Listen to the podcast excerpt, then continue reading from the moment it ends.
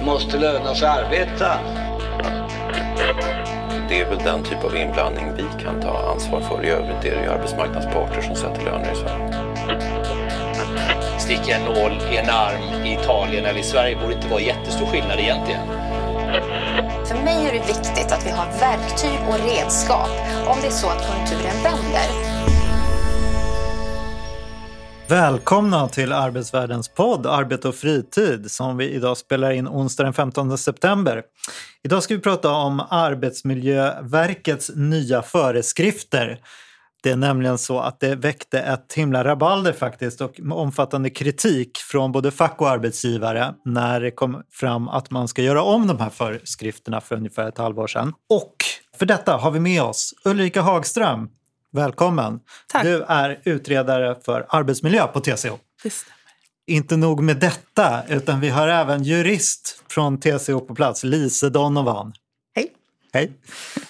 Kul, bra uppställning. Och vi har även Samuel Engblom, TCO samhällspolitiska chef på plats. Det stämmer. Mm. Du är, eller ja, du är inte alltid här. Du var inte här förra gången, så det här är säsongspremiär för dig. Nu är det säsongspremiär, mm. men nu är jag med. Förutom att prata om de här Arbetsmiljöverkets nya föreskrifter så ska vi ju också, Samuel har ju lovat att hoppa in som modereporter och han ska prata om den röda linjen mellan Alexandra Ocasio-Cortez Tax the Rich-klänning och alla folkdräkterna på riksdagens öppnande. Det ska bli väldigt spännande Samuel. Det får vi se. Ulrika, du kanske får börja och berätta lite om det här med arbetsmiljölagen. Vad den är till för och hur det ser ut på arbetsmiljön i Sverige. Ja, arbetsmiljölagen den är ju en övergripande lag som berättar att alla som jobbar på Sveriges arbetsplatser ska slippa drabbas av eh, skador eller sjukdomar på grund av sitt arbete. Och Arbetsmiljöverket. Vi ska ju prata om de här föreskrifterna och föreskrifterna det är det som Arbetsmiljöverket tar fram för att förtydliga vad som ska göras inom arbetsmiljölagen. Och en föreskrift kan ju handla om något så grundläggande som hur det här arbetet ska bedrivas. Hur ska man göra? Jo, man ska undersöka arbetsmiljön, man ska se om det finns några risker för ohälsa, och man gör en åtgärdsplan och man följer upp och så fortsätter det arbetet. Och, och vad är skyddsombudens roll i det här då? De samlar ju in arbetstagarnas eh, erfarenheter och synpunkter och är deras språkröst gentemot arbetsgivaren. Och arbetsgivaren ska bedriva det här arbetsmiljöarbetet i samverkan med skyddsombud eller med arbetstagarna. Nu har vi två tunga jurister med oss i rummet här. Kan inte ni säga någonting också om vad det är för skillnad på arbetsmiljölagen och arbetsrätt? Ja, om jag då, Lise, ska säga någonting om det här så är det ju eh, två olika rättsområden och det är ju inget konstigt, vi har många rättsområden. Eh, men eh, arbetsmiljölagen tar ju sikte på arbetsplatsens liksom, utformning och risker och eh, med eh, vad som händer när man är på arbetsplatsen helt enkelt. Eh, och Eh, det är har en lång tradition det där med att jobba med arbetsmiljöfrågor. Och från början, det, den första lagstiftningen kom på det området. Och man, arbetsrätten var ju långt senare, det var ju in på 1920-talet som den, den kom. Men när vi pratar arbetsmiljö så är det 1880-talet och industrialiseringens intåg i Sverige. Och eh, då insåg man ganska snart, alltså det, det, det händer saker. Folk blir sjuka, kanske till och med dör på arbetsplatsen och att det blir eh, en angelägenhet för faktiskt staten, eller det var riksdag och regering som fick gripa in för att det, var för, för mycket som ändå arbetsgivarna var inte riktigt på hugget hade insett behovet av det här. Man kan säga att det har ju förändrats i stor utsträckning. Idag så bedriver man ju arbetsmiljöarbete eh, rätt mycket i samverkan, alltså det är en gemensam liksom, eh, ambition att det ska bli så bra arbetsmiljö som möjligt. Det är ju kan man säga, det är det som gäller nu. Men då, på 1880-talet, så var det lite annorlunda och staten fick då rycka in och ha en lagstiftning på plats. Och det innebar också att man ganska tidigt fick en myndighet som bevakade det här, inspekterade och såg till att det, eh, faktiskt eh, man följde lagen. Just det. För det, för det här, här har vi en tror jag, ganska viktig skillnad mellan arbetsmiljöområdet och andra regler på arbetsmarknaden. Att staten har även i Sverige en större roll. Alltså vi brukar säga att en viktig skillnad mellan Sverige och andra länder är att vi har ju inte statliga myndigheter som ska, som ska se till att reglerna på arbetsmarknaden efterlevs. Eh, men det har vi ju på arbetsmiljöområdet. Mm. Där liknar vi mer andra länder i och med att vi har en, det finns liksom en statlig inspektion på ett sätt som inte finns på andra men, områden. Men när det sen gäller då anställningsvillkor och den typen av lön och andra liksom regler som ska gälla i relationen till arbetsgivaren för mitt utförda arbete så växte ju fackföreningsrörelsen fram där slutet av 1800-talet och blev starkare in på 1900-talet. Och då börjar man ju ingå kollektivavtal och reglera det här mellan arbetsgivare och de fackföreningar som fanns lokalt. Och sen har det ju rullat på och först därefter, egentligen på riktigt, så kom ju den arbetsrättsliga lagstiftningen på plats först på 70-talet, 1970-talet.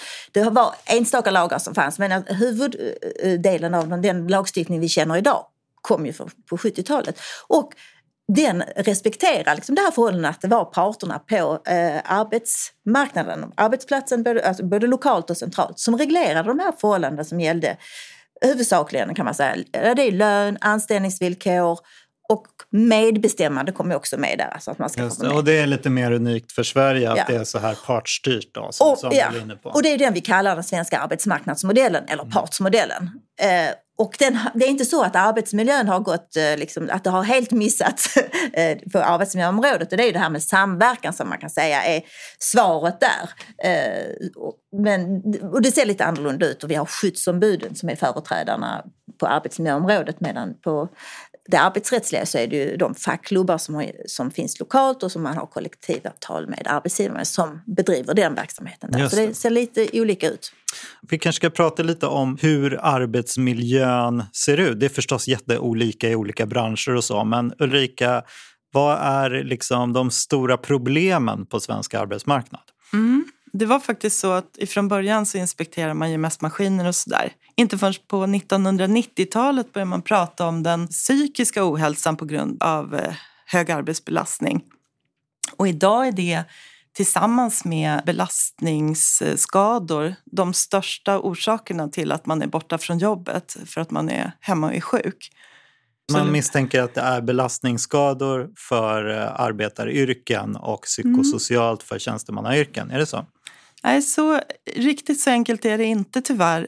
Eller tyvärr ska jag inte säga, verkligen inte. Men eh, det är väldigt vanligt att även sjuksköterskor och lärare får belastningsskador och även skrivbordstjänstemän får det i hög utsträckning, särskilt under det senaste året, men även tidigare, särskilt i axlar och nacke. Och att det har ökat det senaste året, det beror det då på att vi har suttit hemma och jobbat utan våra ergonomiskt utformade stolar och höj och sänkbara bord? Är det det som ja, gör det? det är teorin från Arbetsmiljöverket som presenterade en ny statistik på det här området i förra veckan. Och eh, det beror också, Samuel, på att man sitter mer stilla. Även om man har samma stol och bord hemma så rör man sig inte lika mycket under arbetsdagen. Och det är nästan viktigare att man kommer upp, bara flytta sig från stolen än att man har en bra stol. Och man kan ju tänka sig att det här systematiska arbetsmiljöarbetet som du beskrev tidigare, det här att man går igenom och undersöker risker och söker åtgärder och sen gör uppföljning på det. Det kanske inte har fungerat fullt ut när det gäller eh, hemarbetet där man har utfört det och man har suttit lite som kändes bekvämt för stunden och sen så insåg man inte att det var lång tid. Och man hade liksom inte, fick inte hjälp att se till att äh, åtgärda det på ett bra sätt. Så det är nog många förklaringar varför det faktiskt inte alls ser så där jättebra ut nu heller. Så att säga. Hur viktigt viktiga är de här kontorsproblemen jämfört med problem hos eh, liksom arbetaryrken eller kontaktyrken och så vidare? Mm. Nu har jag i färskt minne i huvudet just de här som man kallar arbetsrelaterade besvären och inte sjukskrivningsorsakerna.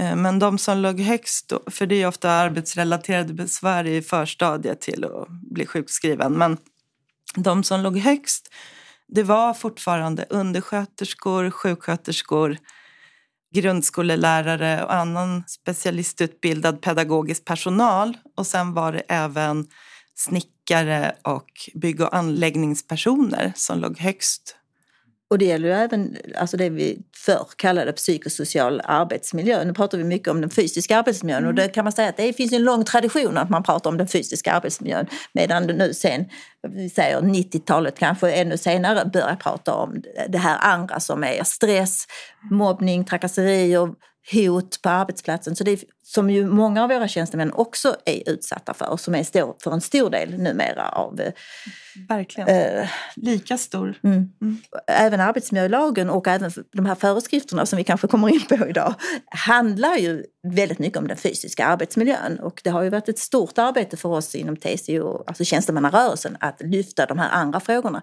Men med det sagt så kan man säga att det är klart att de inom de traditionella liksom arbetaryrkena, de har ju också problem med precis samma sak. Alltså både stress och, och kanske eh, ja. mobbning och allt det där som också förekommer. Så att det är underskatt, har varit underskattat länge. Om vi ska säga, alltså, vilken typ av regler finns då på arbetsmiljöområdet? Jag förstår, man reglerar till exempel hur maskiner får vara utformade, det finns gränsvärden för olika ämnen och sånt. Eh, men sen då det här som ni andra som har pratat om, den, liksom den, den organisatoriska och sociala arbetsmiljön, belastningar och sånt. Det är kanske inte lika lätt att liksom skriva en, en lagregel om som säger vad som är tillåtet och vad som inte är tillåtet. Hur är, hur är regelverket inom arbetsmiljön utformat? Mm. Ska jag säga lite kort så kan ja, vi kan ju hjälpas åt. Ja, men arbetsmiljölagen är ju en sån här ramlag som vi säger. Den har såna fina, alla ska ha en god arbetsmiljö och sånt där. Men sen är det, hur gör man det? Och då är det ju föreskrifterna som då Arbetsmiljöverket beslutar om och då har de ju en lång tradition att göra. Jag vet inte när man började med det här men det var ju tidigt. För att precisera, hur, hur ska man då tänka? Hur ska man göra?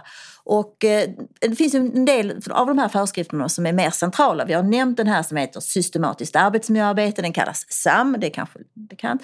Och sen har vi också en av våra favoriter kan man säga på TCO. Det är den som förkortas OSA och det är alltså organisatorisk och social arbetsmiljö. Och den kom för sex år sedan är det väl nu eh, och tar sikte på arbetsbelastning, arbetstid och kränkande särbehandling.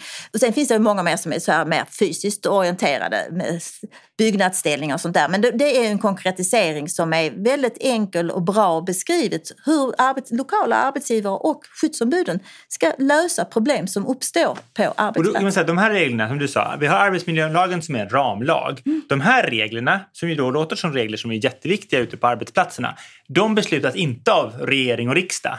Just. Utan det är myndigheten Arbetsmiljöverket som ja. beslutar dem. Nu för tiden är det generaldirektören själv som fattar beslut om det. Men man har ju då ett samråd och man har, man har samma förfarande. Man tar fram föreskrifterna tillsammans med parterna, arbetsgivare och arbetstagare organisationerna och sen så eh, går det på remiss eh, och sen så fattas det beslut. Så det är en, ganska, det är en likartad beredningsprocess kan man säga eh, och parterna har en väldigt stor roll typiskt sett. Eh, och det kan vi ju då det är ju en av de invändningar vi har haft mot hur det här nya regelförbättringsförenklingsarbetet har gått till. Hörni, vi kommer in på de här föreskrifterna. Berätta om det där. Som jag har förstått så är, mm. handlar det om att Arbetsmiljöverket vill banta ner sina 67 föreskriftshäften som man har nu till ungefär 14 nya. Och anledningen är att man vill eh, göra det här regelverket eh, mer lättillgängligt. Mm. Eh, men ni verkar snarare hävda, har jag förstått av kritiken, att det är en sorts... Istället för att det ska vara skrivet för lekmän ute på arbetsplatserna, både arbetstagare och arbetsgivare, så blir det nu bara jurister som kan tolka de här 14 nya häftena. Mm. Är, det, är, det, är det en korrekt sammanfattning av kritiken? Berätta lite. Jag som är jurist kan säga att det är knappt jurister kan förstå vad det står. Ja. ja, det var en viktig tillägg. Men eh, det som de ville åstadkomma, vi var inte emot det från början. För det handlar ju om att de här eh, ja, vad var det, nästan 70 föreskrifterna har ju skrivits under fyra decennier. Och fram till 2012 så hade man allmänna råd, alltså praktiska exempel på vad de här paragraferna innebär i sista halvan av föreskriften. Sedan dess så har man lagt in dem precis under paragraferna istället. Så att göra det enhetligt och även språkligt mer enhetligt, det, det är väl en bra ambition. Men det som ändå inte vi tycker har blivit bra det är att i de här praktiska exemplen på hur man ska gå tillväga när man till exempel då jobbar med, eh, vad ska vi säga, asbest. Då eh, har man tagit bort väldigt mycket av de exemplen och bara lagt det som en bit i, i början på den här stora regelmassan. Så det är inte alls lika lätt för en arbetsgivare eller ett skyddsombud som går in och kollar i innehållsregistret efter ett särskilt område, går in där och kollar vad som ska göras och förstå det. Utan då krävs det nästan att man har flera timmar på sig och läser allting eller att man verkligen har gått utbildning från början. Ja, och man har ju gått utbildning men detta är ganska det här att korsvis läsa. Tidigare var det så att i en föreskrift, de är ju så här orangea, det är säkert en del som har sett dem, i alla fall de som har jobbat som skyddsombud känner säkert igen våra eh, orangea häfte. Då fick man liksom allting som berörde det området serverat. Så då kunde man läsa det och det kanske var en fem, sex sidor eller sånt där. Så snabbt kunde man sätta sig in ja men de här sakerna mm. är det som man ska tänka på. Det man har gjort nu då istället, det är att man har gjort kanske en ganska bra juridisk produkt där man inte upprepar sig och där man har ett enhetligt språk och sådär. Men det är väldigt svårt att hitta, det är en större mängd att leta i och allting kommer liksom inte i sitt rätta sammanhang utan man måste korsvis läsa för att tänka, här kan det kanske behövas ett läkarundersökningar. Ja, då får vi gå in och titta i läkarundersökningskapitlet istället för att det kommer naturligt vid asbest. Här ska man göra en läkarundersökning varje år för att upptäcka eventuella... Liksom. Det låter som man har gått från så här Harvard-fotnotsystem till Oxford eller hur det nu är. För att skriva in det i texten så har man lagt det som fotnoter. Man gör det i alla fall väldigt svårt för vanliga användare av det här. Detta är liksom ett ganska avancerat sätt att korsvis mm. läsa och söka på många ställen. För att, och det egentligen bygger på att man har en förkunskap om vad man ska leta efter för att veta var, var man ska hitta Men som jurist då, tycker inte du det här är snyggt och härligt? Liksom, nu är det enhetligt eh, det är gjort för jurister. Varför är, jo, varför är ni kritiska i alla därför fall? Därför att inte det är ändamålsenligt. Alltså man får tänka, vem är användare? Hur, för att alla är ju, tror jag, strävar efter att vi ska uppnå det här, en så bra arbetsmiljö som möjligt och att vi ska åstadkomma det tillsammans. Men då ska man ju också, det ska inte vara besvärligt att hitta hur man gör det och vilka regler som gäller. Det är jätteviktigt. Vi, vi vet ju inte hur det blir för detta är ju sådana här saker som händer långsamt. Det är liksom en långsiktighet i det här och att det är inte dag ett efter de nya reglerna börjar gälla som vi upptäcker det här. Utan det kanske tar ett år, fem år innan vi ser att oj, här har man missat konsekvent vissa saker. Det tappades bort i regelmassan. Vad kommer man missa då? Vad kommer hända tror ni konkret? Vi låtsas att ni är forskare som kommer se om fem år. Vilken typ av eh, problem kommer ha ökat?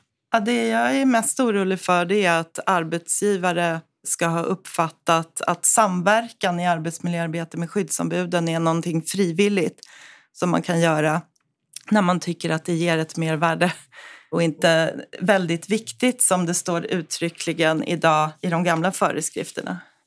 Och varför är det det? Är det skillnad? Har man tagit bort sådana skrivningar i de här nya förslagen? Ja, Eller vad är det som kan leda till det? Man har både tagit bort allmänna råd eh, där det står att man ska samverka om det här och vilka risker man kan särskilt undersöka. Och sen är det språkgranskningen på det som har tagit bort att det är viktigt att man får den tid man behöver och den utbildning.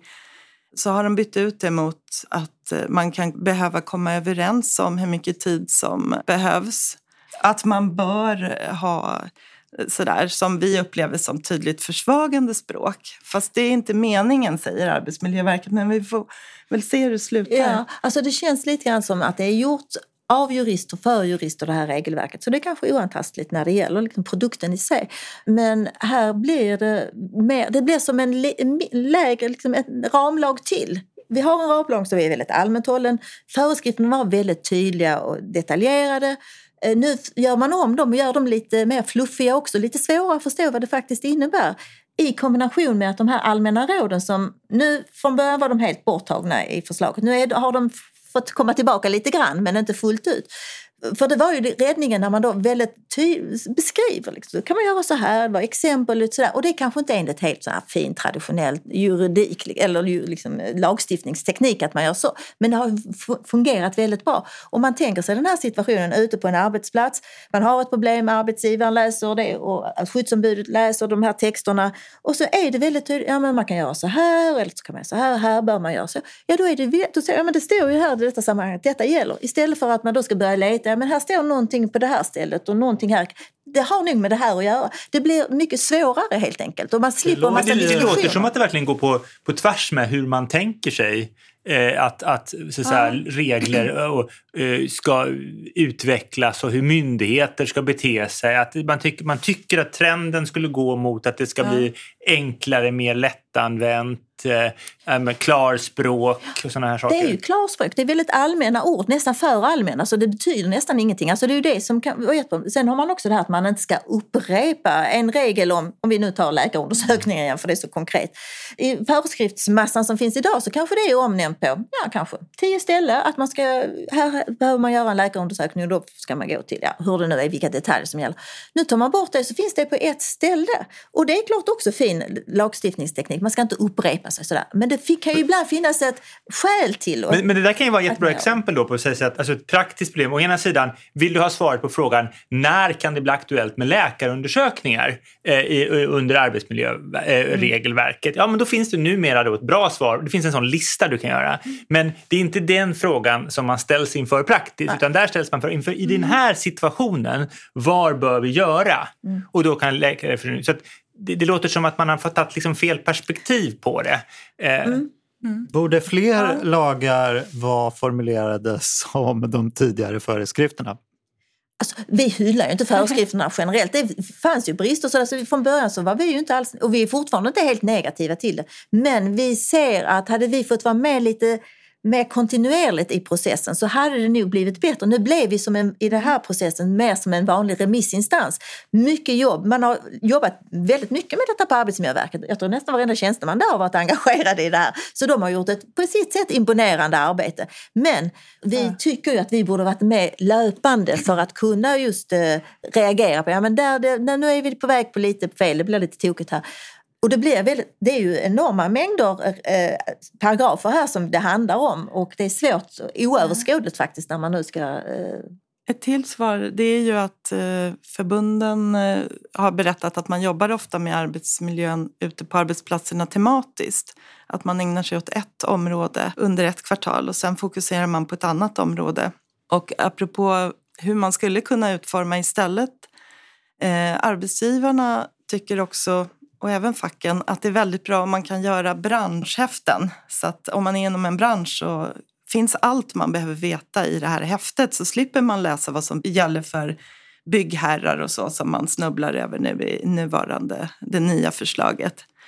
Och man kan ju också säga, vi, Ulrika och jag skrev ju utkastet till TCOs remissvar och vi höll på väldigt mycket med det här och ändå i slutet av den processen så var det så här, okej okay, men den där regeln, hur var den nu formulerad i det förslaget? Ja, då, var, och vad var den nu? Och då kunde vi knappt hitta den och vi som ändå jag menar, rätt insatta och precis har sysslat med det här och, så här, och ändå inte kan hitta det och man måste leta länge innan. Det är någonting som i grunden är fel då om inte det faller sig naturligt. Detta ska ju ske ofta av vanliga användare ute på arbetsplatsen det är, det är för svårt helt enkelt. Arbetsmiljöverket säger lite som svar på den här kritiken då att de tänker ta fram vägledningar som handlar om... Hur man hittar. Nej, ja, ja, dels det, men det har de frångått och har en egen vägledning till hur man hittar. Däremot en vägledning för en bransch eller för en, Ja, ja, en ja. föreskrift. Men, men vilken status har den vägledningen? Ja, den då har ju- har ju inte den alls... Ja, den eventuellt kanske den har samma status formellt som allmänna råd då, för de har inte heller Nej. lagstatus. Bara det att allmänna råden står precis under paragrafen så det är mycket... Och allmänna råd är ju, har ju ändå någon form av status. Det Ja. har en funktion Ja. liksom, i vårt förvaltningssystem. Och de det har har- inte en, en vägledning. Och i det här arbetet säger Arbetsmiljöverket att vissa allmänna råd som hade nästan lagstatus skulle de flytta upp till paragraftext. Så det kanske har skett på ett fåtal ställen också. Men vi tycker heller inte om vägledningar på samma sätt som föreskrifterna. För i föreskrifterna är Arbetsmiljöverket skyldiga att samverka med arbetsmarknadens centrala parter.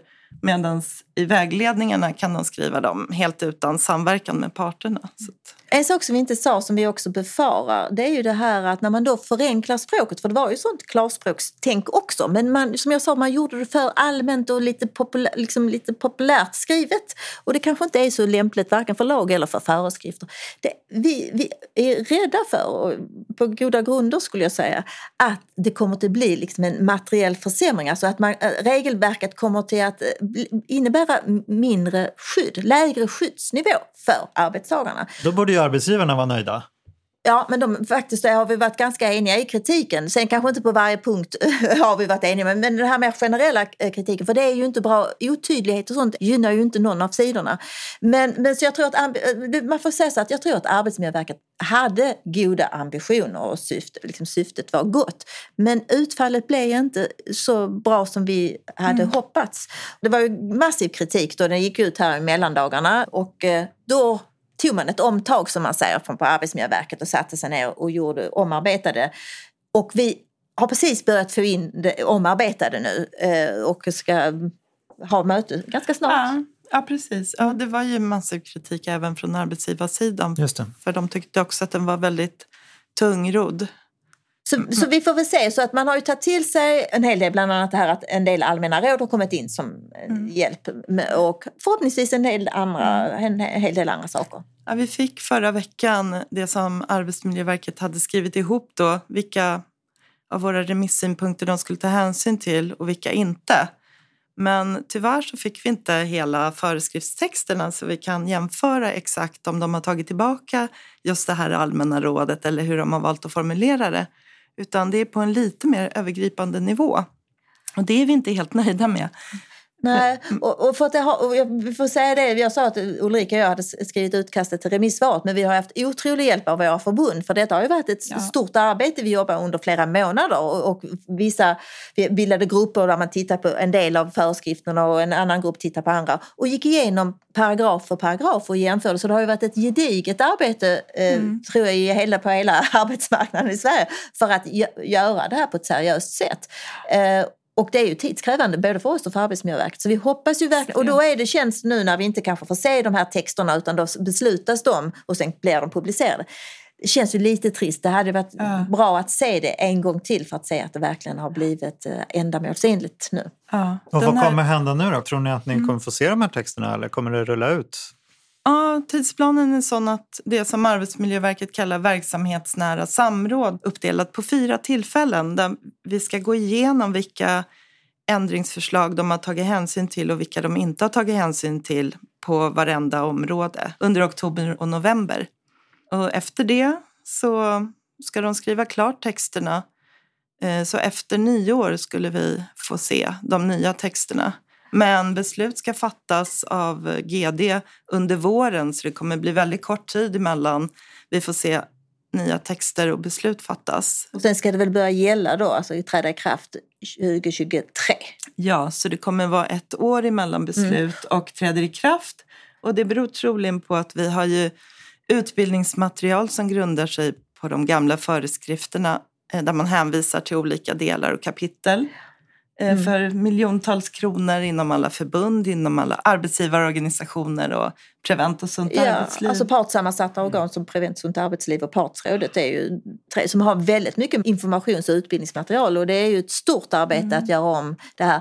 Och då kan man säga då vill man ju, för ambitionen var ju inte att förändra någonting som vi sa utan det skulle, vara, det skulle bara vara en uh, genomgång av alla och göra det mer enhetligt och allt det där vi har sagt. Och vi är inte riktigt nöjda med det och det är dessutom då kommer att kosta rätt så mycket att göra om allt det här materialet. Det, så det är väl allt det här som gör att det blir så väldigt starka reaktioner kanske. Mm. Jag är ändå jurist och vill prata lite sanktionsavgifter. I de här föreskrifterna så har det också varit lite varierande vad man har haft för påföljder eller sanktioner om inte arbetsgivaren följer dem. Eh, och eh, för kanske, jag kommer inte ihåg om det var sju, åtta år sedan så bestämde man sig för att det var väldigt olika sanktioner faktiskt och det var ju inte lämpligt. Så då tog man bort allting utom det som kallas sanktionsavgifter. Det behöll man eh, och så sa man, ja men nu maktar vi inte riktigt med att, för att det som det alltid är med juridiken, det är vissa kriterier som måste vara uppfyllda och sanktionsavgifter är sådär, det får inte vara några otydligheter i lagtexten, det är liksom antingen eller. Eh, digitalt som man säger. Till exempel så kan man säga länge var den eh, föreskriftsregel som mest förekom i sanktionsavgiftssammanhang där man verkställde det, det var när man, någon hade kört truck med eller utan truck kort. För det var, ju, det var liksom väldigt lätt att konstatera att man hade det eller inte. Men när man då till, till exempel tittar på den psykosociala arbetsmiljön och så, så blir det en massa bedömningar som ska göras. Och då är inte den här sanktionsavgiften en lämplig åtgärd. Så därför tog man bort där det inte var lämpligt och det var rätt många föreskrifter där det inte var lämpligt. Och så sa man, ja, men framöver så ska vi formulera om en del föreskriftsregler så att vi kan föra in sanktionsavgifterna. Sen blev det inte av, så idag har vi väldigt många föreskrifter utan någon reell sanktion. Eh, och då tyckte vi i vårt remissvar att det var ju väldigt lämpligt nu när man ändå håller på att formulera om sig, att man tänker på hur får vi in en sanktionsavgift här? Eh, och drämmer till dem med sanktionsavgift också. Men så blev det inte. Man, och det är också en viss besvikelse för att det var ju det var liksom ett löfte som gavs när man tog bort de där påföljderna som för sju, åtta år sedan. Och det har inte blivit av. Och det är ju så, ibland behövs det ju lite påtryckning för en arbetsgivare eller för alla andra att följa regler. Eh, så vi får väl se vad som händer med den saken också. Ja. Hörni, ska man vara orolig om man är skyddsombud eh, nu inför de här förändringarna? Alltså det var eh, en bra fråga för jag kände att jag hade glömt att säga en sak som jag ville lägga till. Eh, och det är ju att eh, en grundläggande kritik från oss och, och hela ja, LO och Saco det är ju att skyddsombudens roll eh, görs eh, osynlig i de här nya föreskrifterna. Därför att man ska vara så himla tydlig med vem som är ansvarsobjektet och det är arbetsgivaren. Och tar man då bort alla de här konkreta råden under paragraferna att det här ska samverkas med skyddsombuden, då försvinner ju, jag tror, jag såg eh, att skyddsombud nämndes bara två gånger på de första hundra sidorna, första gången jag kollade igenom det här materialet. Så att ja, nej, som skyddsombud får man väl verkligen se till att få den utbildning man behöver. För formellt sett så ska det inte vara några förändringar och man får vara desto mer påläst. Men, ja. Hörni, vad är sista ordet i det här? Och sen? Går ni till Eva Nordmark eh, om ni inte får som ni vill? Eller? Ja, jag tror inte Eva Nordmark är så pigg på att uh, lägga sig i vad Arbetsmiljöverket gör. Men hon kan ju ge allmänna direktiv och sådär om hur man ska bedriva sin, uh, ha sitt regelverk och sådär. Men i detalj tror jag hon Men är inte det ett problem här då? För det som ni pratar om, det är ju typiskt sånt som jag tror att folk... Alltså det här är ju ganska, ganska stora frågor ute på arbetsplatserna. Men de är helt bortlyfta från den politiska sfären och de ligger inte heller liksom i partssystemet. Eh, eh, och det är ju, så man, ser man på det utifrån så kan ju det framstå som ganska konstigt att detta så stora viktiga frågor och, och, och sådana här frågor om vem, vad, som, vad som ska vara sanktionerat eller inte, att det liksom inte är en del av den politiska sfären. Sen är det ju så att jag menar, politiken, vill politiken styra, kan politiken styra? Liksom.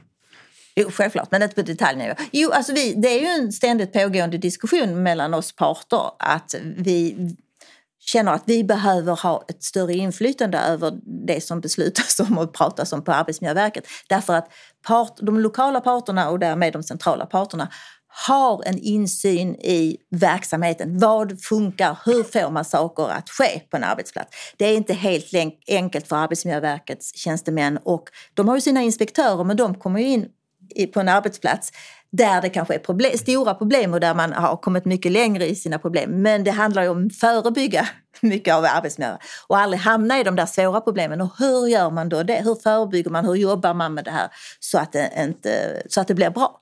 Och det är ju vi parter experter på, så vi borde ju liksom få vara inblandade och eh, vi borde, man tycker så här, man borde värdesätta den kunskap som vi kan bidra med helt enkelt.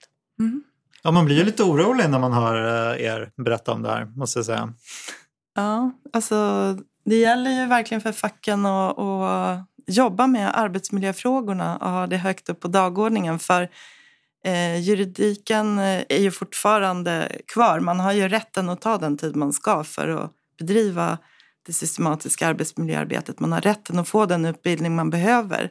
Och man har eh, rätten att i samverkan med arbetsgivaren jobba för en arbetsorganisation som är hälsofrämjande. Och allt det här har vi rätt till och eh, det finns på papper svart på vitt.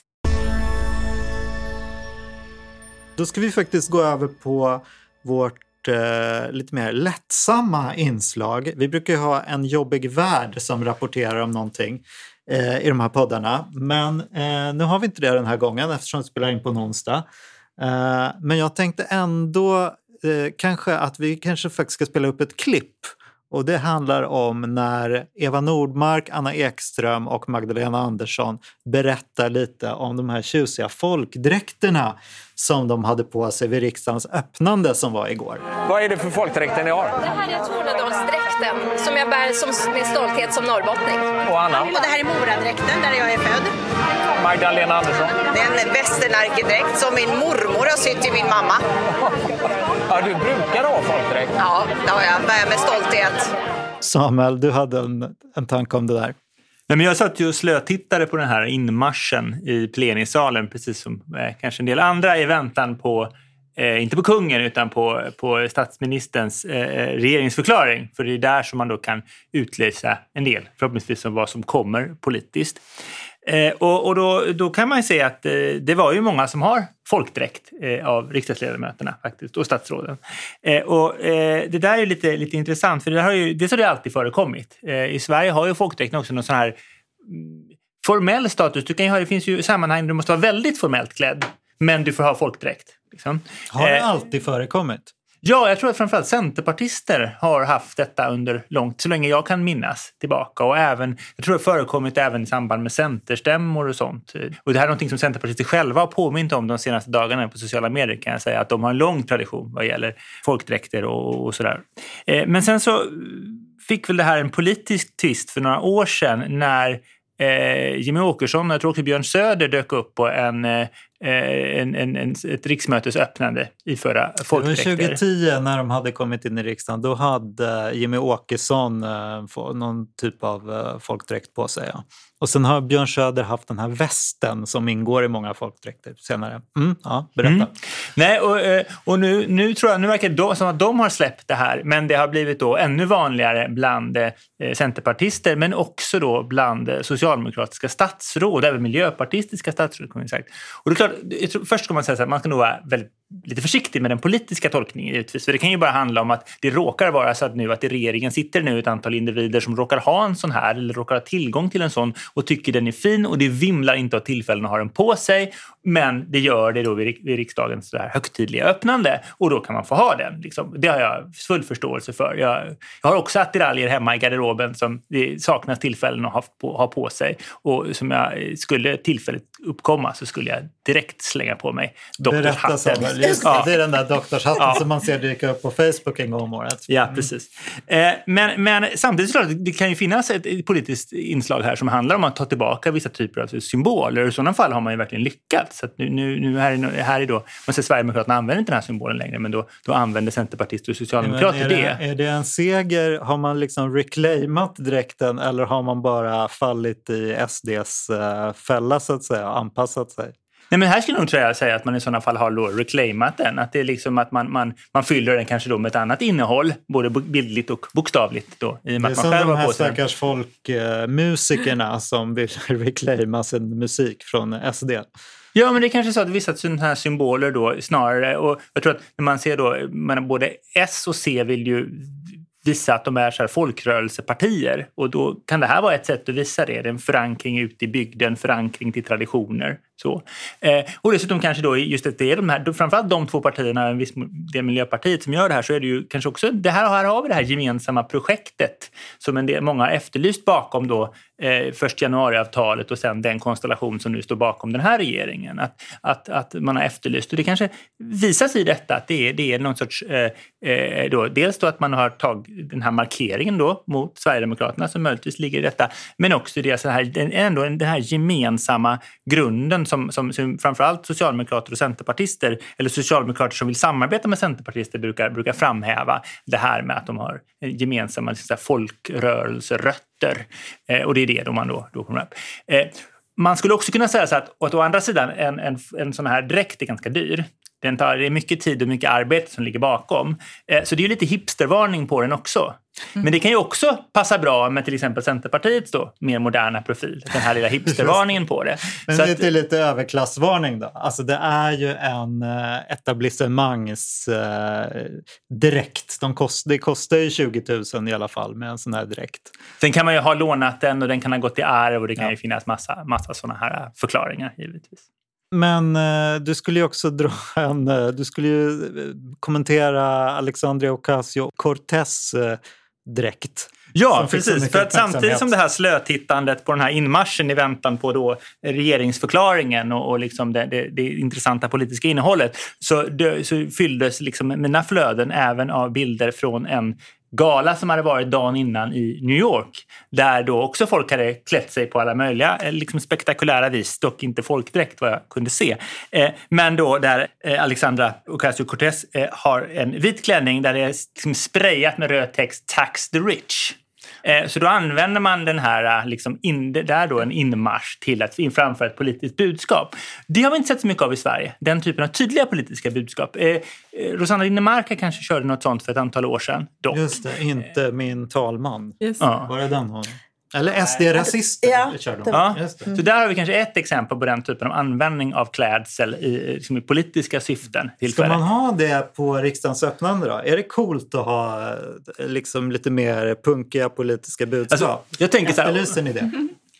Alltså Vänsterpartiets ledare Nooshi Dadgostar, om vi tänker att hon är en svensk AOC, liksom, då kanske hon skulle faktiskt kunna komma med den typen och kanske till och med med det budskapet Tack nästa gång. Jag, jag, jag liksom förväntar mig eh, något sånt drag från, från Men från du tror inte på att Magdalena Andersson kommer ersätta sin, eh, vad var det, västernärkedräkt med en Tax the Rich-klänning?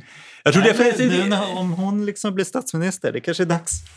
Ja, alltså det finns ju, jag vet inte, hon ledde ju den här, en, en arbetsgrupp eh, inom eh, Socialdemokraterna som väl hade lite av den ingången. Men jag tror inte att hon skulle spraya det på en klänning, nej. Eh, utan då kanske det blir ett mer nedtonat, nedtonat budskap om en, liksom en, en, en, en genomtänkt och långsiktig skattereform. Liksom.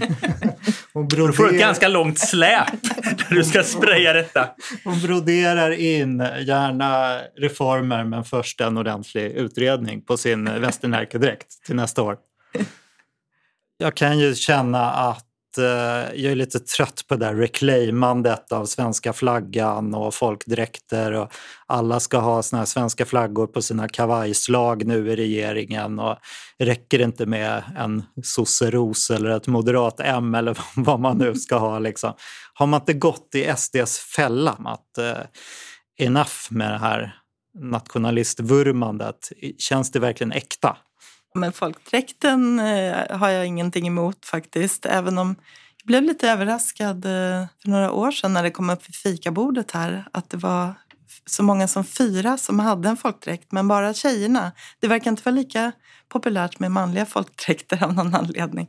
Och jag tror det framgick väl att Jimmie Åkesson hade just hyrt sin folkdräkt då 2010. Så att det verkar stämma med det. Jag tycker ändå det är sympatiskt att eh, folkdräkten är ett alternativ för den som har svårt att köpa en sån dyr klänning kanske som det är om man ska gå på Nobelfesten eller Och det är ju ändå okej att återanvända en folkdräkt kan man säga. Till Ja, skillnad från de här dyra blåsorna Ja. som kostar hur mycket som helst och det är pinsamt om man använder dem mer än en gång.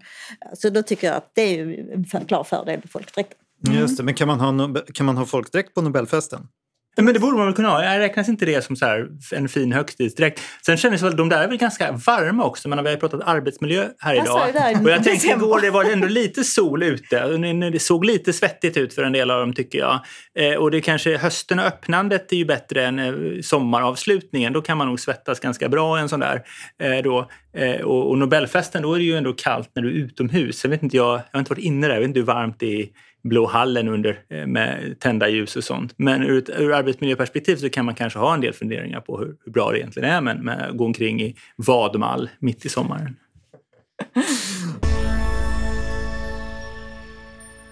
Bra! Du, knöt ju till och med ihop det där på slutet Samuel med arbetsmiljö och eh, folkdräkter. Men eh, jag tror vi slutar där för idag.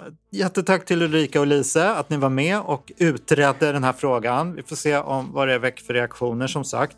Och eh, vi ska väl säga till våra lyssnare, kommentera, tyck till, ge oss tips vad vi ska prata om. Och eh, vi hörs igen om två veckor. Adjö! adjö. Hej!